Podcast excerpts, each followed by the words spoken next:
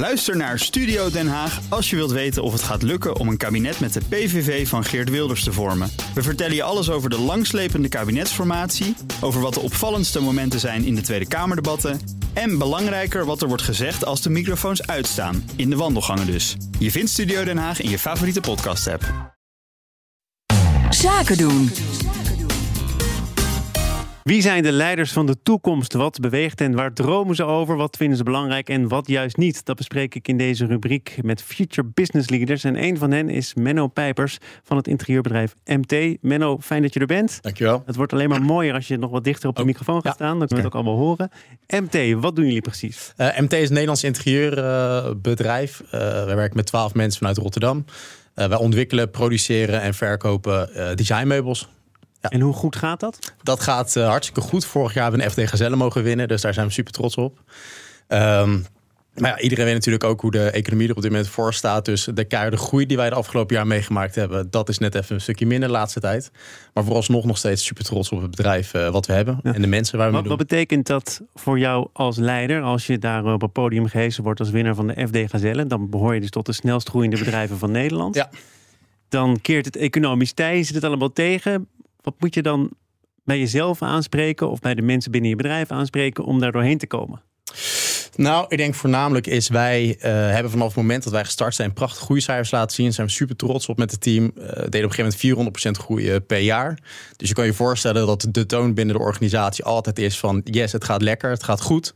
Eh, en op een gegeven moment gaat het niet meer zo goed. En eh, vorig jaar moesten wij dus de moeilijke keuze maken om een paar collega's ja, dat we daar afscheid van moesten nemen. Eh, en als ondernemer was dat voor mij voor het eerst. Want ik eigenlijk altijd met goed weer leren zeilen. Je je voorstellen, dit kan je voorstellen met eh, de coronacrisis die kwam, ging iedereen geld uitgeven aan interieur. Dat was eh, voor Toch ons thuis, dus je had zeer beter goed uitzicht. Ja, zeer prettig. Wij zijn in 2019 begonnen. En eh, maart 2020 eh, ging in één keer het dak los. Dus we hadden eigenlijk helemaal niks anders meegemaakt dan gewoon gigantische Had je voorspoed. dan eigenlijk in maart 2020, wat voor veel mensen toch een donkere dag was, omdat hun winkels dicht moesten, meteen in de gaten, nee maar luister eens, de rampspoed van de een is de zegentocht van de ander. Nee, je staat hier wel met mij te praten, niet met Rasta Rostelli. Dus wat dat betreft heb ik niet een glazen waar ik in kan kijken. Ik denk dat ik net zo onzeker was als de rest eh, van, de, van de markt en de mensen. Wij wisten echt niet wat er op af, ons af eh, zou gaan komen. En waren ons eigenlijk aan het voorbereiden om, eh, om ons eigenlijk weer heel klein te gaan maken. En eigenlijk niet te veel verwachtingen te hebben van de komende jaren. En na een paar weken werd toch duidelijk dat iedereen de afgelopen paar jaar toch flink gespaard had en bereid was om toch maar weer in het huis te investeren. Ja, en die share of wallet die, die slaat in één keer de andere kant op. op het moment dat, dat mensen weer leuke dingen kunnen gaan doen. Dus dat eigenlijk uitgavenspatroon eh, wisselt van uitgaven naar spullen naar diensten. Nou, dat is iets wat wij natuurlijk in de eerste fase heel erg eh, En op een gemerkt gegeven moment hebben. heb je natuurlijk ook voor je nieuwe tafel en je nieuwe Je bent op een gegeven moment ben je wel een keertje klaar. Maar goed, als Hugo de Jonge wel die miljoen huizen had gebouwd de laatste tijd, dan zouden we misschien nog wat meer ver, verhuisbeweging hebben gehad nu. Er zijn natuurlijk tal van factoren die daaraan meespelen. Maar eh, voor ons is dat een hele belangrijke factor.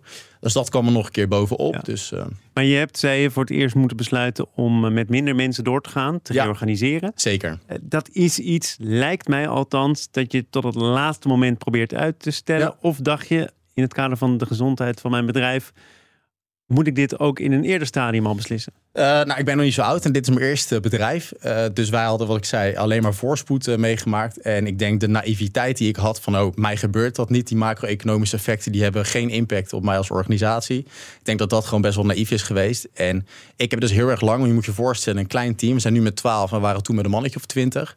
Eh, dat de mensen waar je mee omgaat, die delen diezelfde dromen als dat jij hebt, hè, samen met je compagnon. Die zijn helemaal eh bought in gewoon in diezelfde missie die je met z'n allen hebt. Eh er zijn ook mensen waar je hele goede persoonlijke klik eh Is, dat- is dat overigens zo? Een tijdje terug stond in het FD een artikel over werken bij een start-up. Heb ik gelezen, ja. Nou, Ja. dan ben ik blij, naar- blij dat te horen. En Ja. ook benieuwd naar je bevindingen. Want daar Ja. werd gezegd, nou ja, het lijkt fantastisch. En je gaat de wereld veroveren. Ja. Maar eh, vermoed niet dat als er problemen zijn... dat je dan terug kunt eh, vallen op HR. Of dat je eens een keer een dagje vrij hebt. Ja. Of dat je misschien toevallig niet helemaal in het pulletje valt bij de baas. Nou, berg je Zet dan je maar. dan maar schrap inderdaad. Ja, nee, ja, terreur. Nee, ik denk dat eh, bij het werken bij een start-up is heel anders dan de veiligheid die je hebt gehad bij een groter georganiseerd eh, bedrijf. Ik bedoel, de ene, rand, ene dag hoge pieken en diepe dalen de andere dag. Nou, maar het is, het is jouw bedrijf. Misschien loop jij toch net een tandje harder, net even wat verder 100 dan de mensen hè, want die aanstuurt. Je moet je voorstellen, toen wij startten met de organisatie, ik werkte in Amsterdam bij een grote consultancy firm, was alles was gewoon in check. Leaseauto die komt en je kon iedere dag onbezorgd naar je werk gaan. En toen in één keer moest ik ook een stapje terug doen. Dat betekende dus s'avonds laat tafels in staan pakken in een lekkende loods ergens. En dat is een soort mentaliteit die je opbouwt. En als je dus voor het eerst een team gaat bouwen, verwacht je dus eigenlijk ook dat mensen diezelfde mentaliteit delen. Alleen diezelfde mensen hebben andere behoeftes dan dat jij hebt. Hè. Die delen en het is voor hen toch, of je nou uh, wil of niet, een baan. Absoluut. Ze zijn misschien de eerste of de tweede werknemer, maar toch. Ja, ja.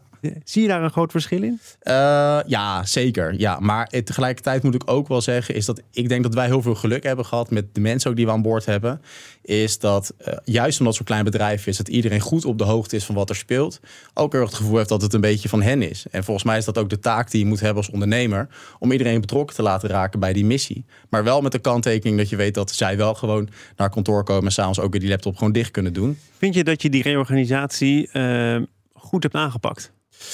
Uh, ligt me net aan wie het vraagt. Maar uh, ik, uh, achteraf ben ik gewoon heel erg blij met de beslissingen die we hebben genomen. En ach, achteraf gezien had ik hem misschien iets eerder moeten maken.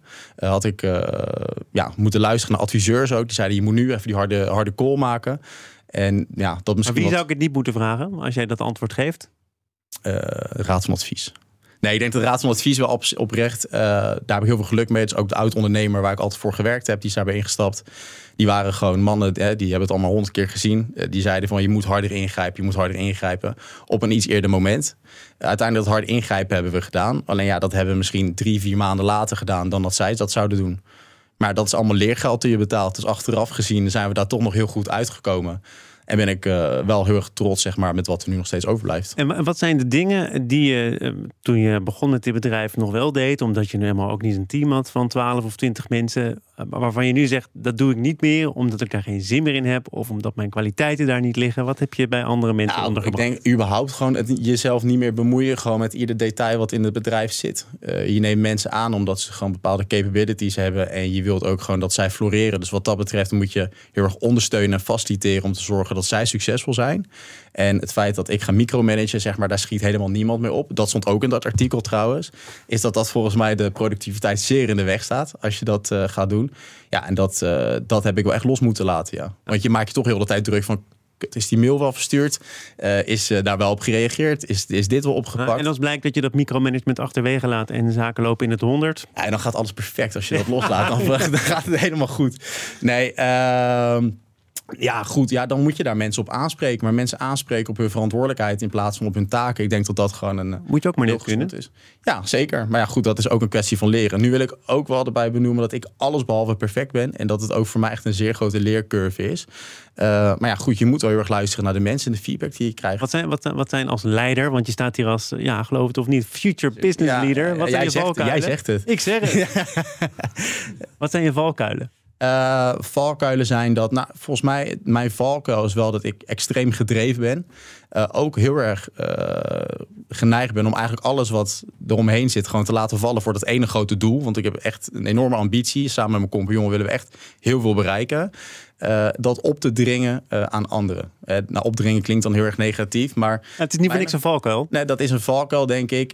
gewoon die drive, zeg maar, opleggen heel erg aan andere mensen. En ja, dat is, dat is gewoon niet echt gezond. En dat is iets, ik ben me nu bewust van, dus dat is volgens mij een goede ontwikkeling. En de volgende stap is er ook echt daadwerkelijk wat uh, mee doen. Zie je jezelf uh, ooit nog wel eens terugkeren in die veilige omgeving van een grote multinational, een corporate? Uh, nou, zeg nooit nooit. maar in deze fase in mijn leven denk ik het niet. Ik hou veel te veel energie uit het bouwen van, van, ja, van een bedrijf. Ja. En wat zijn dan de zegeningen van het ondernemerschap? Want je hebt nu dus ook de keerzijde mogen ervaren. Je hebt uh, ook gezeild bij slechter weer, bij storm. Ja, nou, het mooiste eraan natuurlijk is nog steeds gewoon dat je bezig bent met je droom. Uh, je kan creatief bezig zijn. Hè. Iets wat vandaag in je hoofd zit, kan je morgen met het team aan gaan werken. Maar, droomde jij dan van interieurmeubels? Uh, nou, of droomde je van iets waarvan je toevallig dacht, daar is nog een gat, daar spring ik in? Een combinatie van beide. Ik denk dat ik intrinsiek een interesse heb voor gewoon mooie spullen. Uh, en daar valt interieur ook bij. Bij toeval kwam ik erachter dat het verkopen van marmeren tafels, en daar zijn we ooit mee begonnen, uh, dat daar een gat in de markt voor was. En eigenlijk op basis daarvan zijn we het verder uit gaan bouwen. Maar de passie zit hem wel echt in het maken van mooie spullen, mooie dingen creëren. En dat heb ik nu daar mijn eigen gevonden. Maar tegelijkertijd ook de ambitie om gewoon te knallen met een mooi bedrijf. Dankjewel, Menno Pijpers van het ja. interieurbedrijf MT. Future Business Leaders wordt mede mogelijk gemaakt door TIAS, School for Business and Society. De business school voor leiders van morgen. Ook Thomas van Zeil vind je in de BNR-app. Je kunt live naar mij luisteren in Zaken doen. De BNR-app met breaking news, het laatste zakelijke nieuws... en je vindt er alle BNR-podcasts, bijvoorbeeld Het Nieuwe Geld. Download nu de gratis BNR-app en blijf scherp.